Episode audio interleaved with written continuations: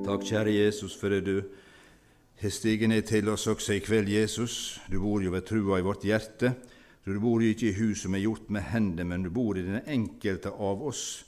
Så vi trenger ikke å rope for å få deg ned eller for å få deg opp, men du er midt i sentrum av der vi er, så er du midt iblant oss. Og når vi nevner ditt navn, Jesus, så vil du manifestere det, Herre.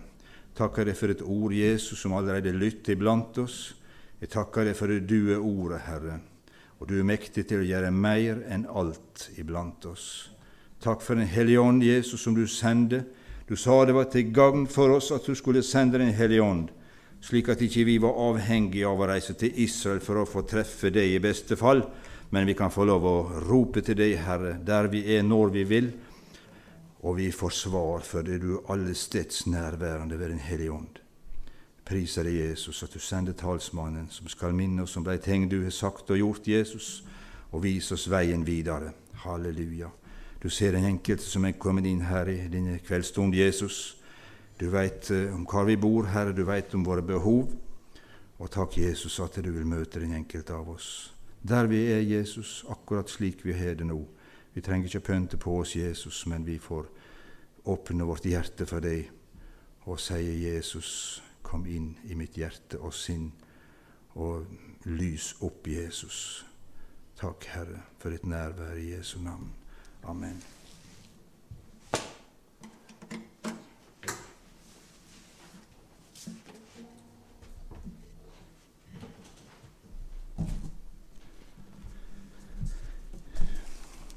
I disse tider så er det ikke til å unngå å uh, få med seg at uh, det er valg på gang. Var det ikke tiltenkt meg? Ja, om det er noen andre, så drar ikke ta det så for å få det våge seg. De lever over. Uh, så, så senest på en stand i går jeg passerte, og uh, ville få opp i handa et program fra et parti som jeg slett ikke har så mye til overs for. Jeg skal ikke holde en politisk tale her i nei, i kveld, så derfor skal jeg ikke nevne navn på noe parti, annet enn det partiet som jeg sjøl representerer, og det er Det himmelske partiet. Der vi har en partileder som heter Jesus, og han er ikke utskiftbar.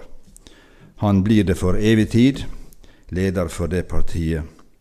Og i det partiet så er det sannhet og ikke noe annet. Han gir ikke ut fagre løfter i forbindelse med valg, men han ber oss likevel om å velge. Og øh, vi skal velge i et valg på jorda, ja, og vi velger ut ifra det som vi kanskje har litt tru på. Den som har de fagreste løftene. Lyger gjør de alle i hop, så det er det samme kan være nesten. Men vi, vi, får håpe og vi får tro at uh, det kan være til det beste for landet vårt, sett ifra vår synsvinkel, at Jesus må få en større plass. Vi kjenner til alle eh, kampene om alt ifra bordbønn på skolen og andagsstund og så videre, kors og ja, alt dette her. Homofili, jeg veit ikke hva. Det er mye som slett ikke er godt å få samstemme med Guds ord. Men eh, la, la, valg være valg, så det får vi gjøre det beste ut av det, den enkelte av oss.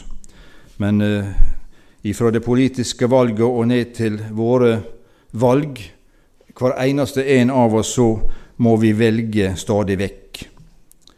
Uh, alt ifra å velge hva pålegg du vil ha på skiva di, det er jo et valg. Skal du ha jordbærsyltetøy, eller skal du ha fårepølse? Det er jo mest uh, enkle valg. Men av mer alvorlige valg så er det jo dette med valg av ektefelle, av bosted, utdannelse og arbeid, valg av venner.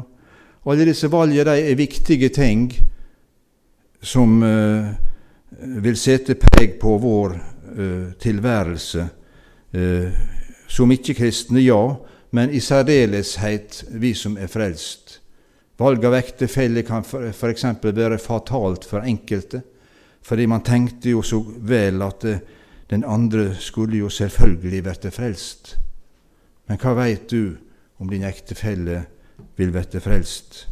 Bibelen advarer mot forskjellige ting, og betenkeligheten er også med å velge en ikke-kristen ektefelle, fordi det kan like godt bikke den veien at du som en kristen kommer på feil side. Og det er vondt, og det kan bli vanskelig. Så vi, vi går gjennom livet og må ta våre valg over tilværelsen. Uh, vi fikk en dag det store valget, ikke sant? Du måtte velge skal jeg si ja til Jesus, eller skal jeg ikke? Skal jeg være nøytral? Skal ikke si noe i den tru at da gjør ikke noe gale, men det gamle evangelium. Det sier jo noe om at eh, enten er du med, eller så er du imot. Enten samler du, eller så sprer du. Enten er du frelst, eller så er du det ikke. Har du blitt et Guds barn, så kan ikke du bli enda mer Guds barn. Er du frelst, så kan ikke du bli enda mer frelst hvis du gjør noe ekstra. Vi skal gå til eh, første eh, Mosebok, og 13. Eh, kapittel, og det begynner med at det står slik Og Abraham dro ut fra Egypten. Og eh, Hvis du prøver å koble også inn en, en åndelig dimensjon i det som jeg tar med fra første Mosebok, så veit du med en gang hva jeg vil når jeg sier at Abraham dro ut fra Egypten. Egypten var jo selvfølgelig eh, bildet på ugudeligheta, på det mørke, på det, eh, det ikke-gudelige. Eh, Åge Samuelsen også synger om dette her i Egyptens mørke før jeg vandret. Jeg tviler på det var landet Egypt han mente, men det var det som Egypt sto for med det mørke og det ugudelige. Og Abraham dro ut fra Egypt. Han heter på dette tidspunktet Abraham. Han og hans hustru med alt han eide, og Lot var med han. Og hvem var Lot i forhold til Abraham? Jo, han var bror, sønn til Abraham, sånn at eh, de var i familie. Og det står også at Lot var med ham. Abraham var meget rik på buskap og på sølv og gull, og han drog i dagsreiser fra Sydlandet het til Betel, til det sted hvor hans telt hadde stått i begynnelsen mellom Betel og Ai, til det stedet hvor han hadde bygd et alter forrige gang. Der påkalte Abraham Herrens navn. Men også Lot, som dro sammen med Abraham, hadde småfe og storfe og telt, og landet kunne ikke romme dem, så de kunne bo sammen, for deres eiendom var for stor til at de kunne bo sammen. De ble rike, karene. Og eh, de fant ut eh, at eh, det var for trangt for begge to, for begge sine budskaper og eiendommer. Så de fant ut og ble enige om at eller Abraham tok initiativet og sa etter Lot Lot, jeg ber deg nå, la det ikke være 30 mellom oss og tjenerne våre, gjeterne. Vi er jo brødre. Ligger ikke hele landet åpent for deg? Dette her er videre i, i kapittel 13. Hvis du tar til venstre, tar jeg til høyre. Hvis du tar til høyre, tar jeg til venstre. Så han lot få førstevalget. Jeg overfører det gjerne til, til, til, det tidspunktet som vi var borti, at det, det er et, et livsvalg. Og Lot fikk valget. Han fikk eh, velge på øverste hylle. Og Jeg har et inntrykk av at Lot han han, han så med sine øyne det som, eh, det som kunne være verdt noe i, i, i penger. Det som hadde verdier. Det var rike vannkilder. Det var rikt på, uh, på, på mat til, til, alle dyra. Her var det forhold å, å, å svinge seg enda mer opp. Da løftet Lot sine øyne, og han så at hele Jordansletten like til Soar overalt var vannrik som Herrens hage, som landet Egypt. Ser du det? Lot han tenkte tilbake til Egypt. Det var jo ikke så verst der. Det var mye bra der, og her var litt av samme verdiene.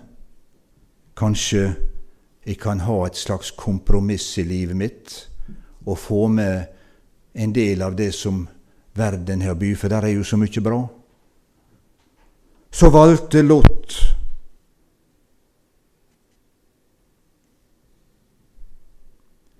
Da løftet Lot sine øyne, og han så at hele Jordansletten like til Soar overalt var vannrik som Herrens hage, som landet Egypt. Dette var før Herren ødela Sodoma og Gomorra. Så valgte Lot for seg selv hele Jordansletten, og Lot drog østover, og de skiltes fra hverandre. Abraham ble boende i Kanans land, men Lot tok bolig i byene på sletten. Han flyttet sine telt så langt som til Sodoma. Han flyttet sine telt så langt som til Sodoma.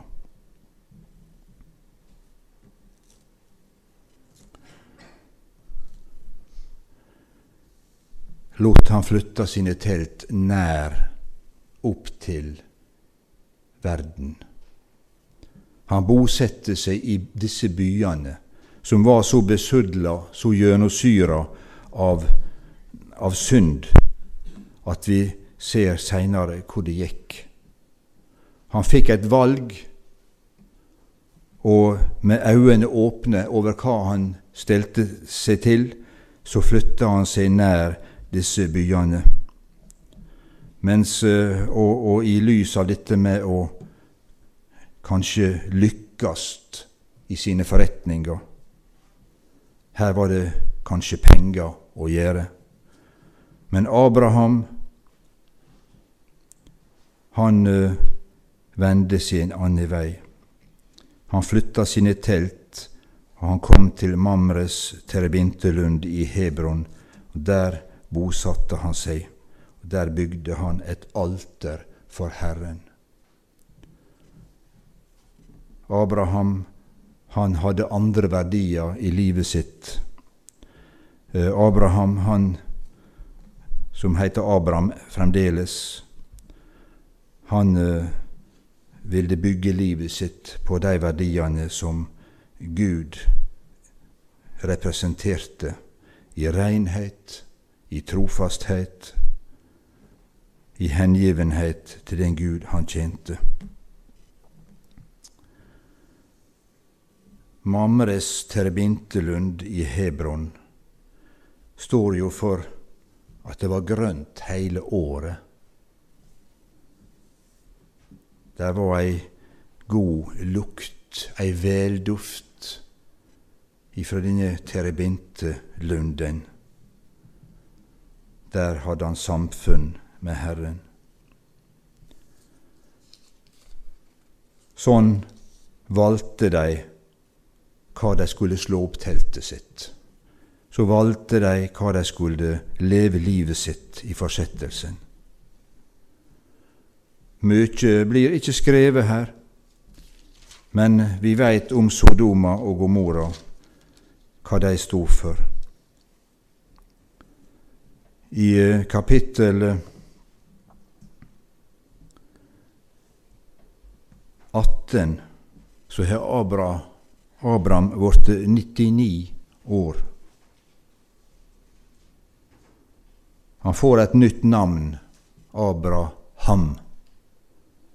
Han inngikk ei pakt med Gud og fikk et nytt navn. Han hadde fortrulig samfunn med Herren i den grad da Abraham fikk besøk av tre mann. Så sier de til Abraham i fortrulighet, skulle jeg vel skjule for Abraham det jeg tenker, det jeg er i ferd med å gjøre, sier Herren til han. For det var Herren som var i en av disse skikkelsene Eh, Seinere så leser vi om de samme folka at det, var engler. For to av dem reiste seinere inn til Sodoma. Men vi kjenner til historien, og jeg veit ikke om noen andre som på denne måten har tort å prute med Gud. Men eh, Herren han gjorde kjent for Abraham hva han hadde tenkt å gjøre, for klageropet fra Sodoma og Gomorra hadde steget opp, og nå ville hadde han steget ned for å finne ut om det var slik som han hadde hørt. Han ville ødelegge byene, for synda var så store. Og Abraham blei stående for Herrens åsyn fortsatt, og sier, vil du da rive bort de rettferdige sammen med de ugudelige? Tenk hvis det er 50 rettferdige, og merk deg at han ba ikke for de synderne inni der, han ba for de rettferdige. Nei, men det er greit, vi kutter litt ned på alle orda som blir brukt, men eh, Herren han eh, er de 50 som skal i sparebyen. Og vi veit at Abraham han gikk ned på 45. Vil du fortsatt kunne spare byen? Ja, det er greit, jeg skal gå med på det. Og Abraham ba nesten om unnskyldning. Ikke vær sinte på meg, Gud, men hvis det er 40, hvis det er 30, hvis det er 20, ja, det er greit, jeg skal spare byen. Ja, men hvis det er 10, da? Og da torde ikke Abraham å si mer. Ok, hvis det er ti rettferdige, så skal jeg spare byen for deres ti si skyld.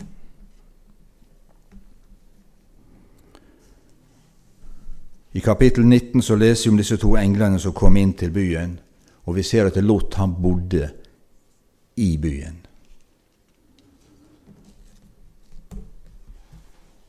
Og det er jo nesten fantastisk å, å kunne se at Lot fremdeles var med Herren. For hvis ikke så hadde ikke englene brytt seg, men de ville berge ut Lot og hans familie. Og vi veit jo at uh, Sodoma og Gomorra var prega bl.a. av homofili. og det var flere synder som prega byene der. De prøvde å få tak i disse englene. Vi hopper litt, og vi kommer fram til der mennene sier:" Har du enda noen her, svigersønner, sønner eller døtre, eller hvem du ellers har i byen, så før dem bort herifra. For nå skal vi ødelegge dette stedet fordi klageropet mot dem er stort for Herrens åsyn, og Herren har sendt oss for å ødelegge det. Da gikk Lot ut og talte til sine svigersønner, som de, skulle, som de som skulle ha døtrene hans. Han sa, Stå opp og dra bort fra dette stedet, for Herren vil nå ødelegge byen. Men svigersønnene tenkte at han drev gjøn. Og da kan vi selvfølgelig tenke for noen svigersønner som ikke tok noe på alvor.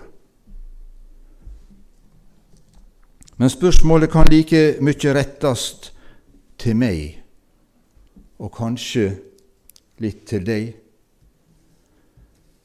Lever jeg mitt kristenliv på en slik måte at folk ikke tar meg på alvor? Lever jeg så nær Sodoma og Gomorra, står mitt telt så nær verden at jeg er løssluppen med ting og tang. Så verden, de bryr ikke seg. Han er jo ikke noe annerledes, han enn jeg. Hva han maser etter? Er han vel like bra jeg som han? Se det livet han lever lot sette telta sine helt inn under Sodoma og Gomorra. Og det triste kan vel observeres at vi ser dette her bortover, at mange mennesker de er gjerne med på kompromiss. Man er gjerne med å tilpasse seg. Kanskje så vi får regjeringsmakt, så må vi jo gi litt på oss der så må vi gå med på dette. Og så er man villig til å slå av på sannheten. Vi bekjenner ofte Jesus som vår beste venn. Og det er jo ei fin omtale av Jesus, min beste venn. Men hvis jeg skal sitere min beste venn, da bør ikke jeg fare med noe fjusk og fanteri. Da bør jeg sitere min beste venn rett og sant. Bør, hvis jeg skal fortelle noe som min beste venn har sagt, da bør ikke jeg utelate noe og late som han ikke sa det. Og hvis jeg har en bestevenn på jorda jeg vil sitere, hva da med min beste venn i himmelen som heter Jesus? Og jeg vil sitere han, men er ikke så nøyen på å fortelle alt sånn som han sa det. Det er jo det vi gjør eller ikke gjør, for her har vi vår beste venn sitt ord, fra A til Å. Og vi vi er flinke å sitere det, og det skal vi gjøre. Selvfølgelig skal vi det. Men for meg så er det alvorlig hva vi siterer Jesus på.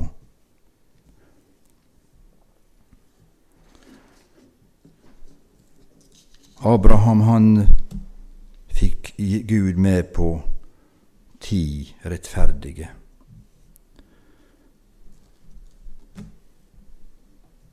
Og vi veit hvor det gikk.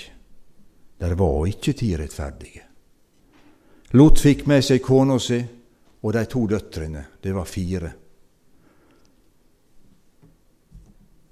Kona til Lot hadde kanskje blitt mer prega av omgivelsene enn Lot. Jeg veit ikke det, hvorfor hun snudde seg, men hun blei til ei saltstøtte. Mange vil vel si at hennes hjerte var igjen i byen, og hun måtte sjå hvor det gikk kan det være sant at Gud ville straffe byen?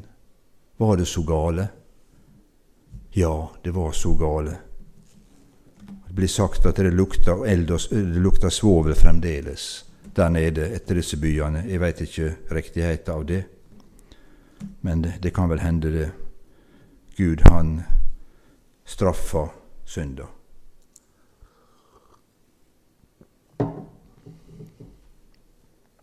Så at Abraham hadde et fortrulig samfunn med Gud. Og det vil Jesus at vi skal få ha med Han. Vi lever i den nye pakt, og vi bekjenner Jesus som vår aller beste venn. Og visst må vi ha et fortrulig samfunn med vår beste venn, sånn at vi kan få kviskra hva som er hans vilje med den enkelte, med oss alle. Og hva er hans vilje? Hva er hans partiprogram? Jeg eh, smakte litt på det på vei hit. Hva er Jesus sitt partiprogram? Det må jo være at han vil at alle skal bli frelst. Vil ikke det være ei, god, eh, god, sak å, å arbeide for? Han som døde på korset for alle mennesker.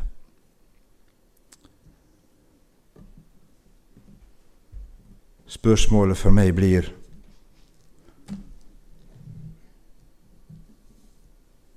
Har jeg, et, har jeg i mitt liv en kilde med rent vann?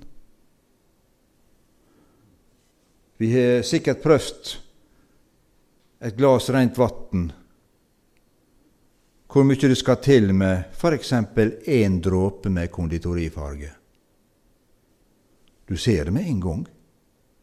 Men det er jo masse, masse mer dråper med rent vann enn med konditorfarge. Eller ta hva som helst annet. Hvor lett rent vann blir skite. Udrikkelig. Usmakelig. Det kan til og med være klart å sjå til, men det kan være en grusom smak. Fordi det var noe som ikke skulle være der. Og det skal ikke mye dritt til i mitt liv før jeg ikke blir tatt på alvor blant de jeg går la med. Jesus han snakka med ei kvinne ved brunnen nær Sykar. Og han snakka om denne herre og skulle få en kilde som skulle velle fram til evig liv. Er den kilden fra mitt liv slik at den veller fram og gir ikke gir evig liv, men fører til at mennesket kan få evig liv ut ifra det som går ut ifra mitt liv, er mitt vitnesbyrd slik at det kan takast på alvor.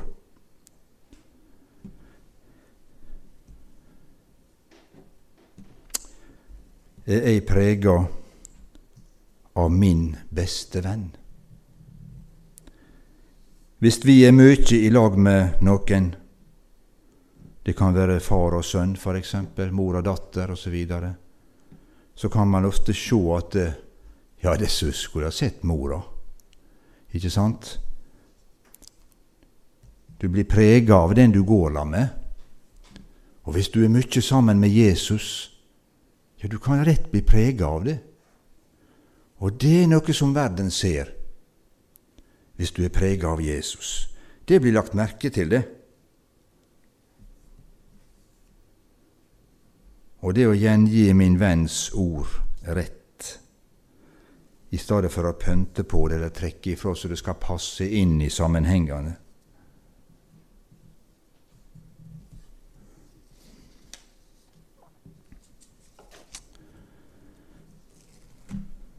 Vi ber vi har gjort i kveld. Og vi gjør det hver dag, hver med oss. Det kan være i bilen, det kan være i, i senga, det kan være i stolen og på vei til arbeid osv. Men vi, vi, kan ikke ligge på kne hele tida. Det blir liksom litt vanskelig praktisk. Men vi kan ha ei holdning som er bedende. Og det å kunne minne hverandre på at det, at Jesus ikke skal være siste valget, men første valget når vi har et behov. Ikke slik at når alt annet håp er ute, da kan vi jo kanskje henvende oss til Gud. Men tenk om det kunne være første valget. Ved uhell og ulykke, ved vanskelige situasjoner. Nå må vi be. Tenk om det kunne være første valget vårt. Jeg tror Jesus ønsker det. Kom til meg, alle. Er vi i en slik posisjon jeg, jeg må ta meg sjøl først og fremst. Er jeg i en slik posisjon at bønna mi har slagkraft?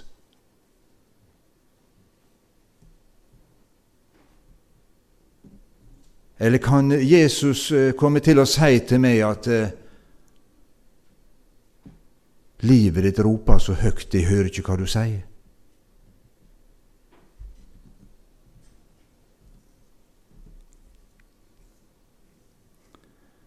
Jeg og du er, som er frelst, vi har fått en kilde på egen grunn.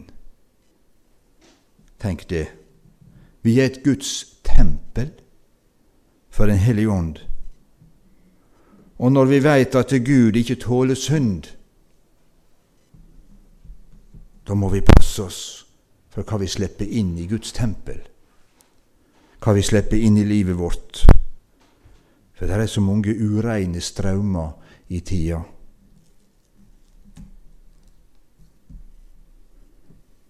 For noen få uker siden så kom det en lapp i posten så stor som denne her. Der sto et ett-tall. Stort ett-tall. Kanskje dere også har fått det samme. Og eh, Nå husker jeg ikke eh, akkurat eh, jeg husker ikke henvisningene, men der sto først at det, det gamle testamentet, og så en henvisning med at Gud er én.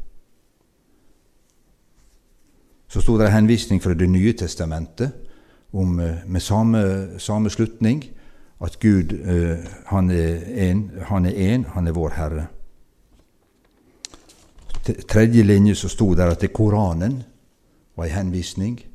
Så hadde de ei setning som munna ut på det samme, altså er lik samme svar. Så det, og det, hvem har gitt ut den der? Ja, det var bl.a. et muslimsk råd. altså Det kom ifra muslimene. Og jeg forsto sånn denne her, at uh, den ville fortelle meg at uh, vi, vi, det, vi har det felles. Hvor, og jeg hadde nær sagt, Det sto nesten mellom linjene at uh, vi kan vel samles og være i lag. Vi har jo samme Gud. Så, så langt er det kommet i våre bygder, tenker jeg, at muslimene de deler ut sine skrifter.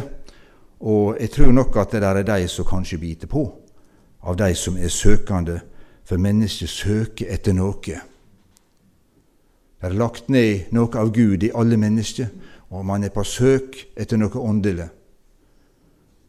Og eh, når da de byr fram sine varer, så ser jeg ikke vekk ifra at det er de som vil også ta fast på dette her. Men eh, Paulus snakker om dette her med den som forkynner et annet evangelium enn det vi er forkynt, han være forbanna. Og hvis noen prøver å skal oss til å tro på et evangelium som fører hen til himmelen utenom Jesus, da må vi forkaste det. For vi veit det er ett navn under himmelen som vi kan bli frelste ved. Bibelen advarer oss også i 2. Korinterbrev 6,14.: Dra ikke i fremmed åk med vantro. For hva delaktighet har rettferd med urett, eller hva samfunn har lys med mørke? Vi er jo den levende Guds tempel. Og vi skal være ei Kristi vellukt for Gud blant de som blir frelst, og blant de som går fortapt.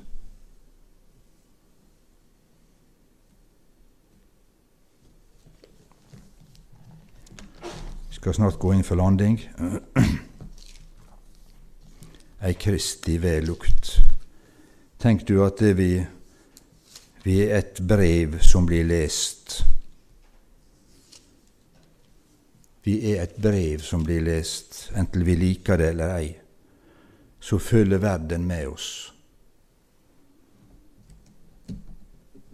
Har vi en høy bekjennelse, så la oss følge Bibelen. Jeg har lyst til å ta med noen ord avslutningsvis fra Paulus til Timotius.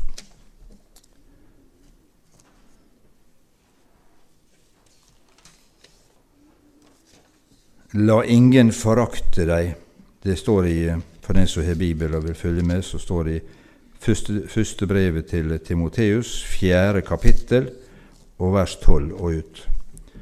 La ingen forakte deg for din ungdoms skyld, men vær et forbilde for de troende, i tale, i ferd, i kjærlighet, i tro, i renhet. Legg vind på opplesningen av Skriften, på formaningen og på læren, til jeg kommer.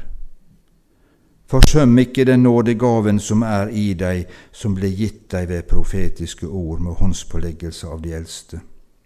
Tenk på dette, lev i dette, for at din framgang kan bli åpenbar for alle.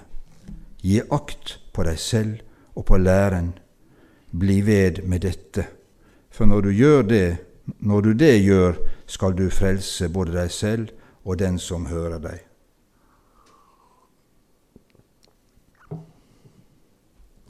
Jeg syns det var litt klare ord til en ungdom, men til oss som er kommet litt lenger enn til ungdommen, så gjelder det samme. Legg vind på opplesningen av Skriften. Les som det står. Tru som det står og ikke la andre fortelle deg at det er håpløst gammeldags. Vi må jo fornye. Og la meg nå si at det er ikke alt av nyere oversettelser som jeg er like glad for. For jeg syns det enkelte bibelvers de får en helt annen betydning. Enkelte bibelvers. Og eh, jeg veit ikke det. Vi har iallfall lov å være oppmerksom, for Bibelen, den er under press. Han er under kontinuerlig angrep. Har Gud virkelig sagt? sa slangen i hagen. Og den setninga, den holdninga, har gått som et ekko gjennom hele tida, hele historien. Og det har blitt sterkere og sterkere i vår tid. Har Gud virkelig sagt er det bare Guds, er det bare Bibelen som gjelder? Her er jo så mange andre retninger, her er jo så mange andre veier til Gud. Så mange religioner. Hva som er feil med dem?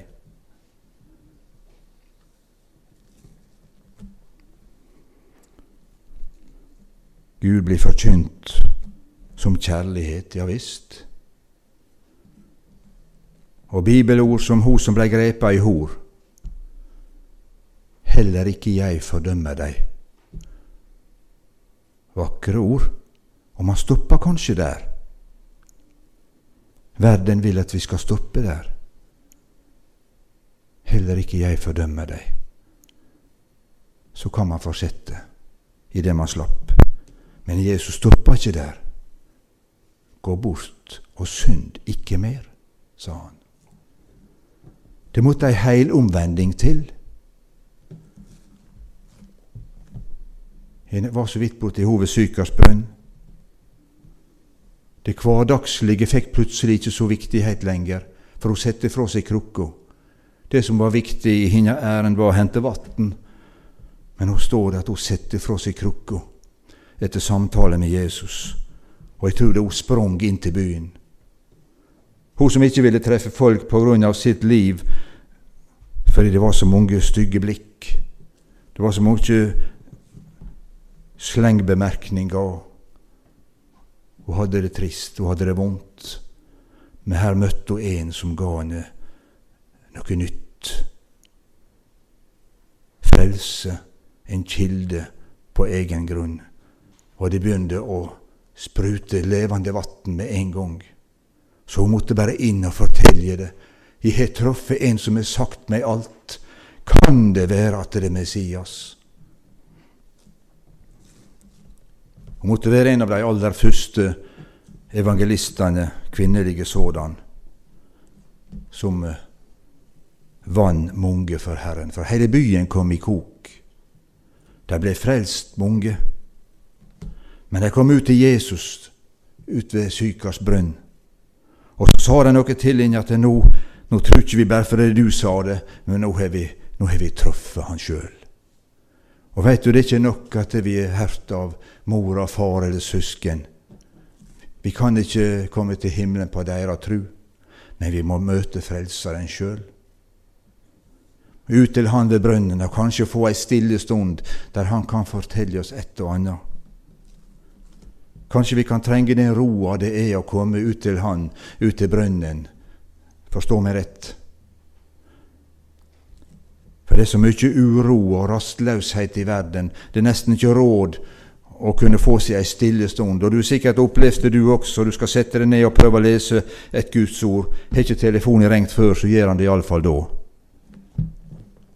Og telefonen har som kjent førsteretten.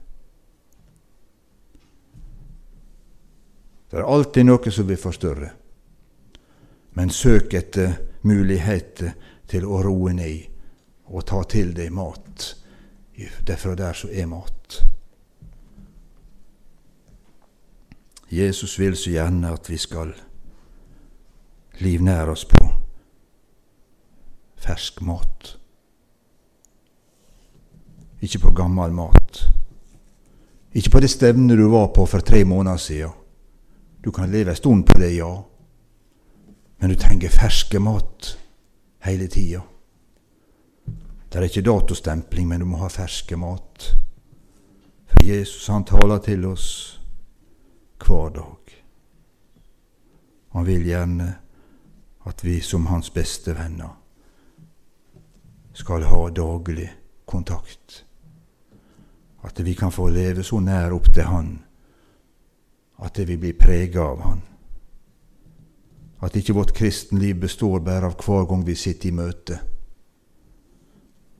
men at det kan merkes at du er i selskap med Jesus. At det kan merkes at du har en beste venn. En som du liter på, en som du henvender deg til i godt og vondt. En som du anbefaler til andre. En som overfører god godlukt til deg. Så du er ei Kristi vellukt. Du har sikkert opplevd du også å møte mennesker som du ikke kjenner, men du, du kjenner at de er kristne. Du forstår det uten at de sier et ord. Du ser det kanskje på øynene, du kjenner det på, på lukta. At han er jo en bror, her er jo ei søster. Jeg har opplevd det mange ganger, det, det er forunderlig. Dette med fellesskapet med Jesus. Jeg snakker ikke om tilhørighet, om det er indremisjon eller pinsevenner. Det har ikke noe med saken å gjøre. Men er du frelst? Har du fått nytt liv? Har du fått innlagt vann? Så det kan tappes av rent og friskt vann som kan uh, gjøre uthuste verden omkring deg. Ja, da er du rike, for da har du noe å dele med de som er rundt deg. For det er så mange som tøster i dag. Det er så mange som svelter. Det er så, mange, det er så mye angst og smerte ute som roper etter hjelp. Helsevesenet rekker ikke alt. De greier ikke alt. Det er så mye som detter imellom, så ikke de har sjanse å gjøre noe med. Kanskje jeg og du har noe å gjøre i den sammenheng. For Jesus, han kom til verden ikke for å dømme verden, men for at verden skulle bli frelst ved Han. Og Han er rike nok også for deg, for alle som påkaller Han. Takk, Jesus, for at du elsker oss med en evig kjærlighet. Og du vil gjerne si det til oss at du, du dømmer oss ikke for noen ting. Men du sier også at vi vi skal vende oss vekk ifra det som vi måtte slite med av, av synd. Synd ikke mer, sa du. Men den som er i deg, blir ikke fordømt. Den som er i Kristus, er fri. Så har du sagt det da at det, dersom vi blir i deg, og dine ord blir i oss, ja, da kan vi be om det vi vil, og vi skal få det, for da ber vi etter din vilje. Takk, Jesus, for vennene her. Velsigne høsten og virke for dem. Jesus, må ikke det bare verte et program, men må det verte en høst, Jesus, der det blir tent en brann. Mennesket skal verte frelst, Jesus at du får utgyte av de ånd, Herre, blant de som både går her, og de som du gjerne vil skulle gå her. De skal få samle gløden Jesus, så det merkes at det, på Elim der er noe som foregår. Vi må opp og undersøke at mennesker kommer hit og blir frelst. Herre Jesus, tenn din brann, og begynt med dine, Herre, for det er der det må begynne. Jesus, vi har enda ei korte tid igjen, så kjem du på skya. Og Jesus, må, det, må dette gå opp for oss i, i fullt alvor, at det er så korte tid igjen. Som Lot som måtte flykte for livet, for det var korte tid igjen. Så skal vi få vende vårt blikk opp til deg, Herre, og rive med oss mange ut av verden som kan bli frelst ved ditt navn. Takk, Jesus. Takk skal du ha. Amen.